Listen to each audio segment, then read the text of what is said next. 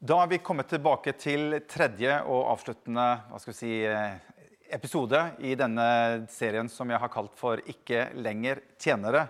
Og Vi har tatt utgangspunkt i den bortkomne sønn som kommer tilbake til faren sin og opplever med seg selv at han ikke lenger er verdig til å bli kalt eller få være hans sønn, men han ønsker heller å være en tjener i sin fars hus.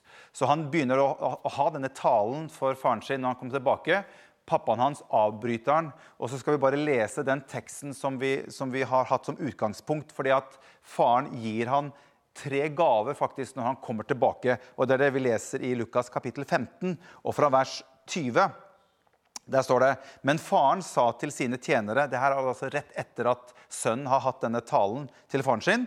Faren sa til tjeneren sin, hent fram den beste festdrakten og ha den på han og sett en ring på hånden hans og sandaler på føttene hans.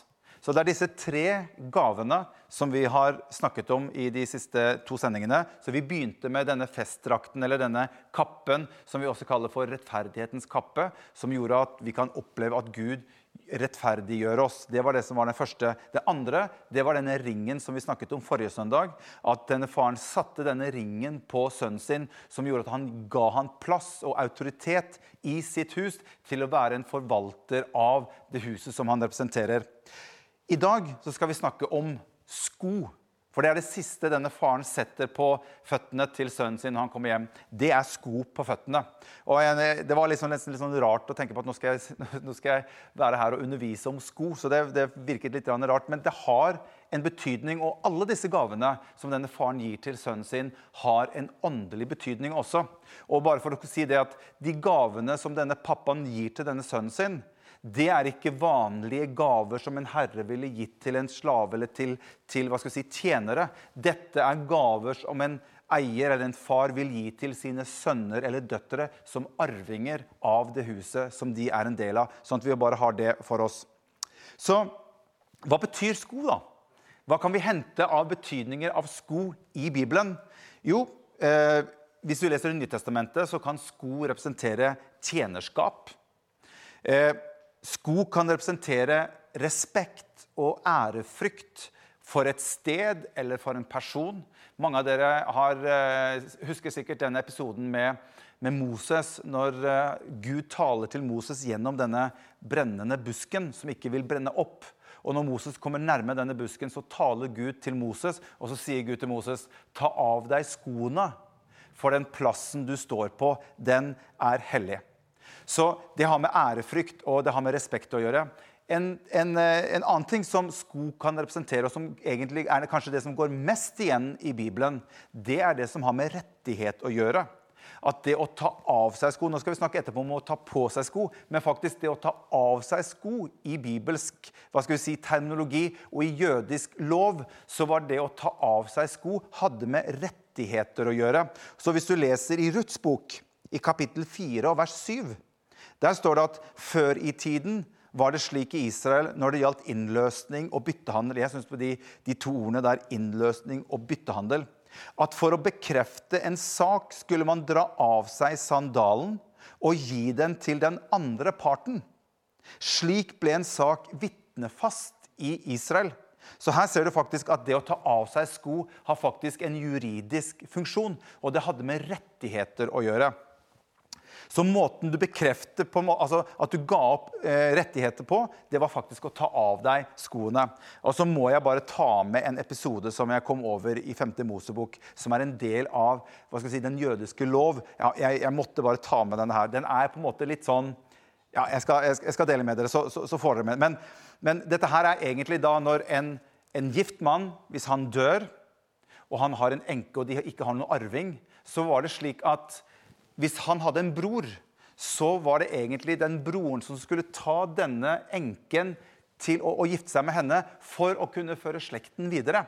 Og Hvis du ser sammen med meg i 5. Mosebok kapittel 25 og vers 7, der står det noe Og jeg har jo litt sånn jeg ser jo av og til litt sånn humoristiske, humoristiske ting i, i, noe av det som jeg leser, men, men eh, jeg, må bare, jeg, må bare, dele dette med dere. For her står det Men dersom mannen ikke har lyst til å ta sin svigerinne til ekte, skal hun gå til de eldste i byporten og si:" Min svoger nekter å oppfylle svogerplikten og videreføre sin brors navn i Israel.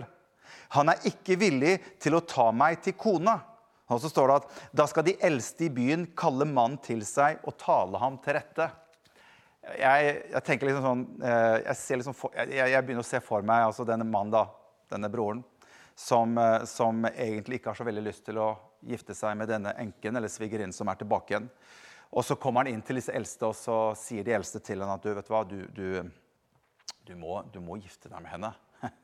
Det, loven sier egentlig at du, skal egentlig gifte deg men jeg har ikke lyst til å gifte meg med henne.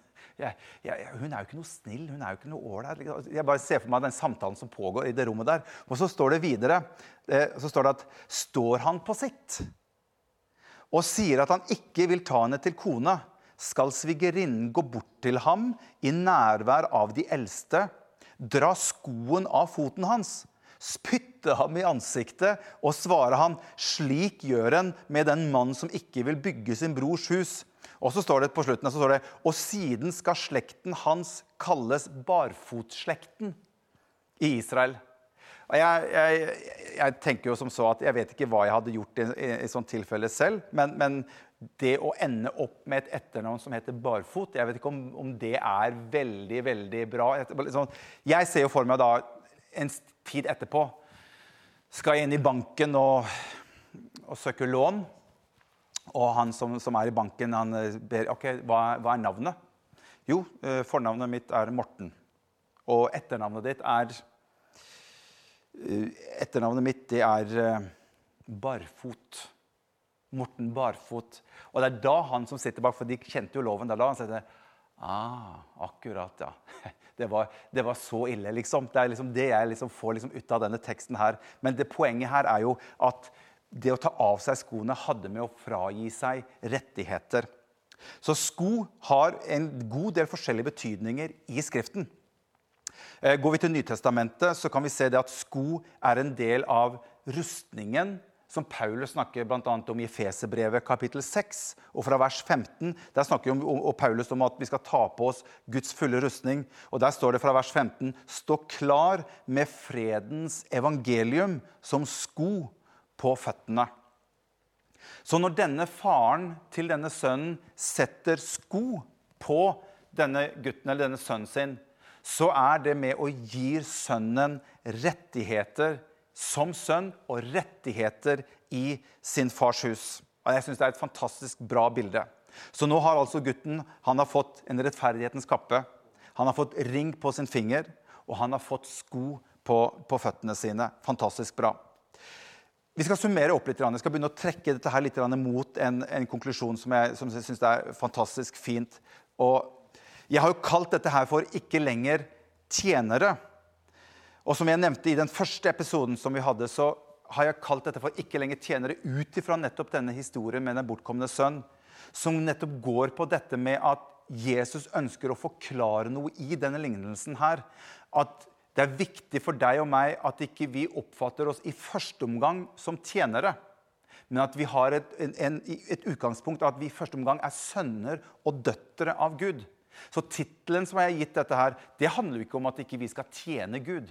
Selvfølgelig skal vi tjene Gud. Det er ikke noe sånn at nå har vi funnet en vei at vi slipper liksom å skal tjene Gud. Nei, nei, nei.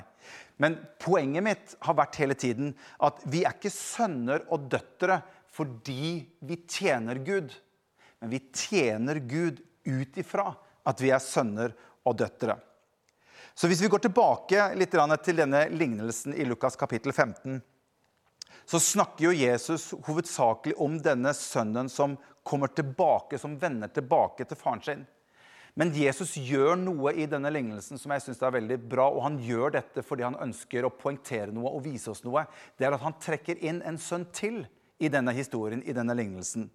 Og denne andre sønnen han dukker opp i etterkant at denne faren har gitt han denne kappen. Han har gitt han denne ringen, og han har satt sko på føttene hans. Og I tillegg så står det at han slakter en gjøkalv, og han lager en fest for denne sønnen. Og Det er i dette momentet her at den sønn nummer to dukker opp i historien. Og jeg har lyst til at Vi skal bare lese litt hva som skjer når denne andre sønnen kommer inn i bildet. Og Da leser vi fra vers 25 i Lukas kapittel 15. Der står det Imens var den eldste sønnen ute på markene.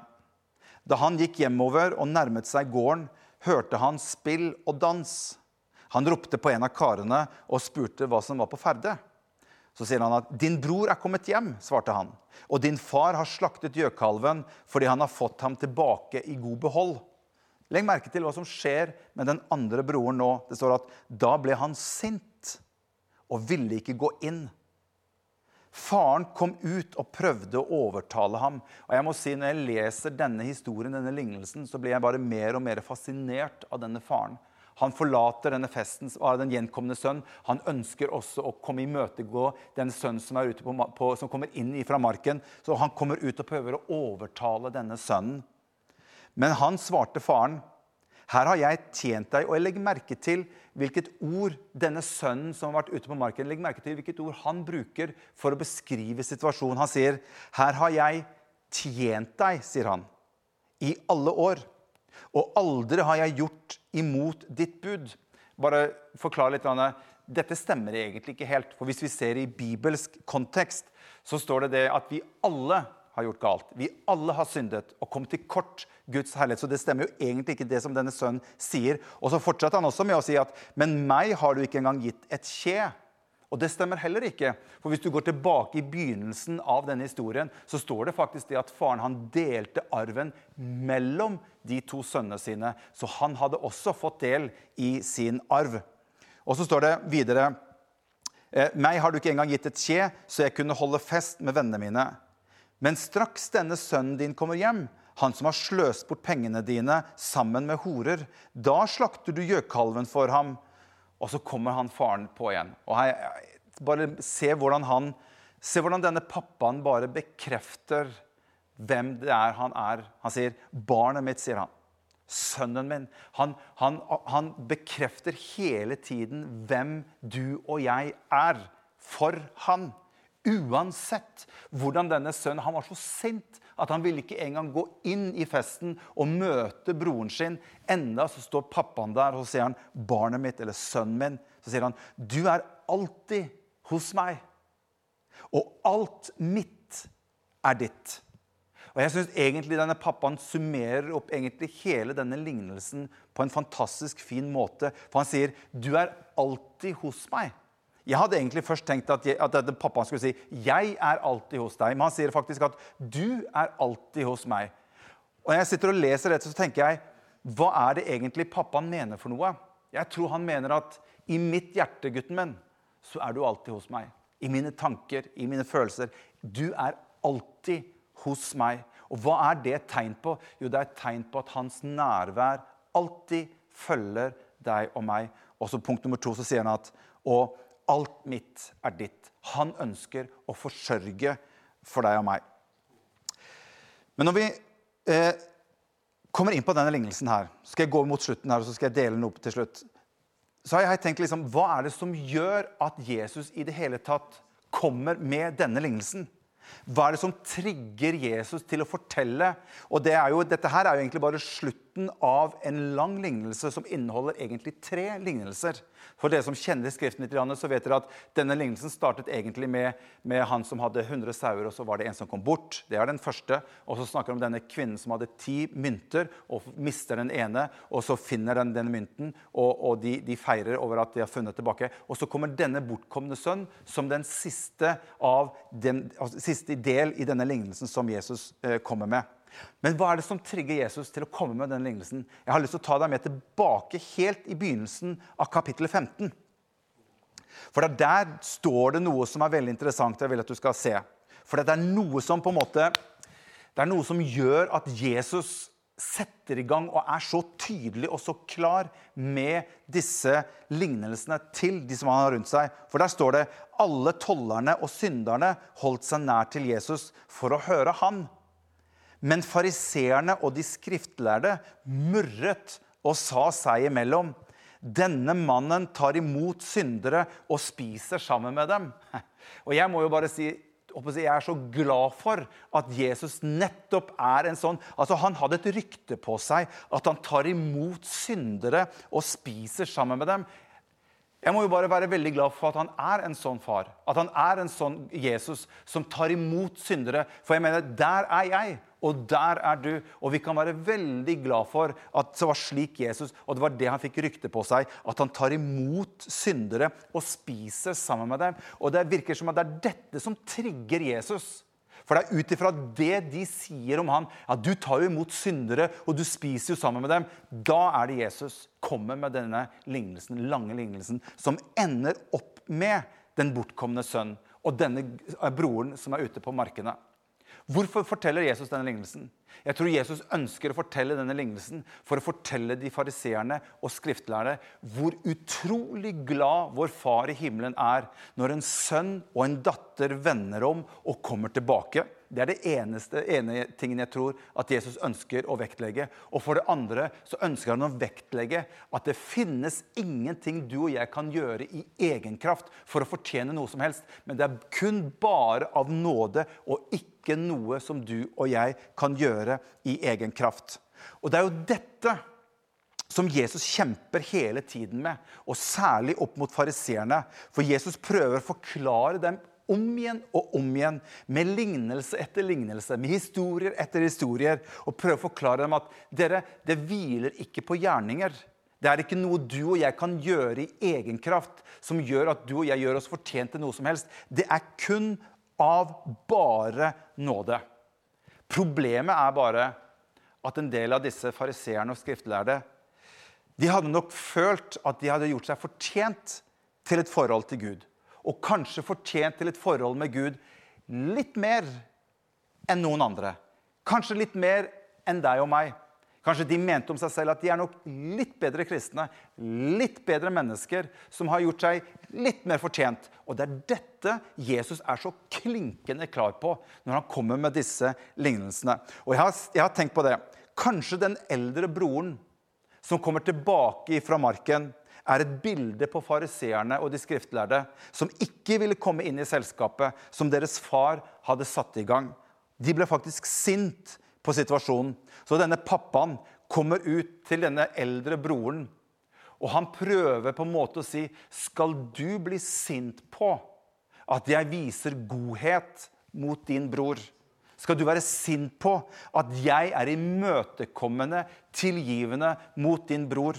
Og det har noe med mentaliteten til den andre broren som gjør at han reagerer slik. Og det er dette Jesus ønsker å komme til livs. Og det er noe av det samme som vi skal dele i det siste skriftet som jeg har lyst til å dele med dere.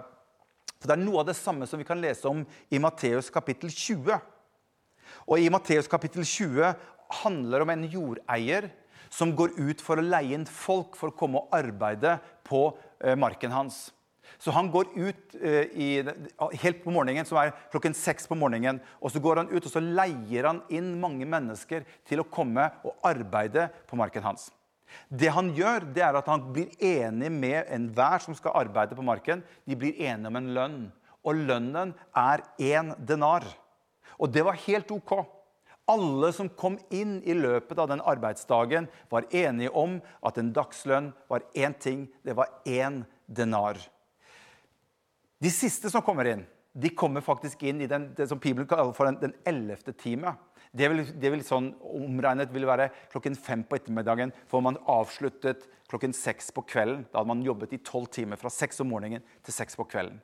Og så skal vi gå inn og skal vi lese litt av hva som står i vers 8 i Matteus kapittel 20. Og Tenk litt på mentaliteten som denne eldre broren hadde i, Lukas kapittel 15 opp imot det som også skjer i denne teksten. her. For dette er også en tekst som Jesus bruker for å forklare hva han egentlig mener om denne type holdning til hans godhet. Der står det Da kvelden kom, sa eieren av vingården til forvalteren.: Rop inn arbeiderne og la dem få lønnen sin. Begynn med de siste og gå videre til de første. De som var leid, de som var leid ved den ellevte time, kom da og fikk én denar hver.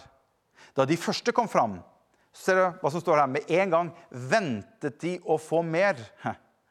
Enda de hadde blitt enige i forkant om at det er bare én denar vi får. Ventet de å få mer, men de fikk også én denar. De tok imot den, men murret, står det, mot jordeieren og sa:" De som kom sist, har arbeidet bare én time, og du stiller dem likt med oss. Her har du noe av den samme tankegangen som fariseerne hadde. De er vel ikke så bra som oss. De fortjener vel ikke det samme som det vi fortjener. Vi er vel litt bedre. Vi har vel arbeidet litt mer. Vi har vel en større grunn til å skulle ha en større fortjeneste enn det andre mennesker. Eh, murret mot jordeierne og sa de som kom sist, har arbeidet bare én time, og du stiller dem likt med oss, vi som har båret dagens byrde og hete. Han vendte seg til en av dem og sa, 'Venn, jeg gjør deg ikke urett.' Ble ikke du enig med meg om én denar? Ta ditt og gå. Men jeg vil gi ham som kom sist, det samme som deg. Har jeg ikke lov til å gjøre som jeg vil med det som er mitt? Ser du samlingen med det som faren prøver å overbevise den eldre sønnen ute på marken? Har ikke jeg lov til å gjøre som jeg vil med det som er mitt? Eller ser du med onde øyne på at jeg er god? Alle får det samme. I denne konteksten her så er én denar det er et bilde på Guds nåde til deg og meg. Vi får én ting ifra Gud. Alle sammen stiller likt. Vi får tilgivelse for vår synd, og vi får evig liv sammen med Jesus. Men det virker som at disse menneskene her i denne konteksten her har mye av den samme mentaliteten som den eldre sønnen. De så på jordeieren og den lønnen han skulle betale.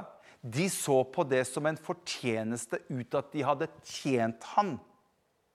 Og de mente da at det er meg som står i sentrum for hvilken fortjeneste jeg skal få. Så selv om de i utgangspunktet hadde vært enige om at det er én denar, det er bare Guds nåde, så har du og jeg så lett for at det sniker seg inn en mentalitet på at ja, men jeg fortjener vel egentlig noe mer enn andre. Jesus sa vi får bare én ting.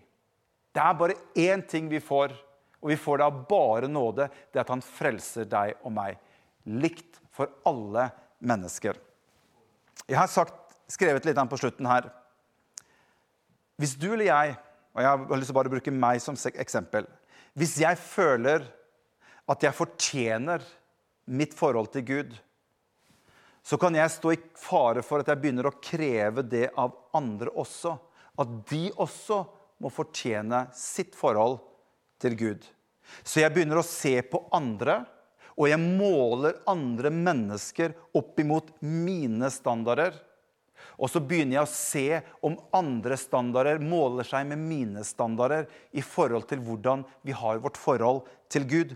Og det er utrolig eh, Det er utrolig hva skal vi si, eh, farlig å begynne å tenke sånn. Fordi da begynner jeg å bli selvrettferdig i måten jeg har mitt forhold til Gud. For da begynner jeg å tenke som at jeg lever litt bedre enn det du lever. Jeg er litt flinkere enn det du er, så jeg fortjener et bedre forhold, en bedre fortjeneste enn det du gjør. Og hør, det neste som kan skje med deg og meg, det er at hvis jeg føler at jeg fortjener min relasjon til Gud, så kan jeg stå i fare for å kreve en standard fra andre mennesker rundt meg til å ha en relasjon til meg også.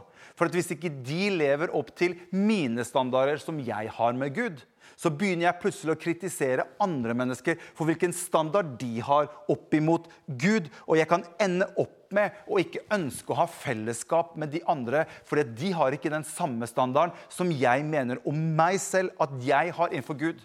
Og det er jo det denne eldre broren egentlig tenker om sin andre bror. Jeg vil ikke gå inn dit engang og være sammen med han. Fordi at jeg har en mye bedre standard i mitt forhold til Gud. Og det er dette Jesus tar et oppgjør med i denne fortellingen, i denne lignelsen, det er at vi stiller alle likt. Og det er ingenting du og jeg kan gjøre som gjør at vi fortjener noe mer i vårt forhold til Gud og hvordan han ser på deg og meg. Og Det er derfor jeg ønsket å kalle denne serien her ikke lenger tjenere, men sønner og døtre av Gud. Det spiller ingen rolle i utgangspunktet hva du og jeg gjør for å prøve å fortjene Guds nåde og Guds gunst. Det er bare én ting som gjør det. Det er at han velger av bare nåde å gi deg det. Så denne sønnen som kommer tilbake, han får denne kappen av rettferdighet. Han hadde ikke gjort seg fortjent til noe av det. Han får denne ringen på fingeren. Og pappaen han setter disse skoene på føttene hans. Så sier han, 'Velkommen hjem igjen. Du er min sønn, og jeg er din far.' Og Det er denne relasjonen som jeg ønsker at i løpet av denne serien her, at du kan få lov til å kjenne på det. At ikke vi begynner å, ikke vi begynner å måle opp hverandre i hvordan vi har vårt forhold til Gud. Du får en denar, jeg får en denar, og det er bare av nåde. Gud velsigne dere alle sammen.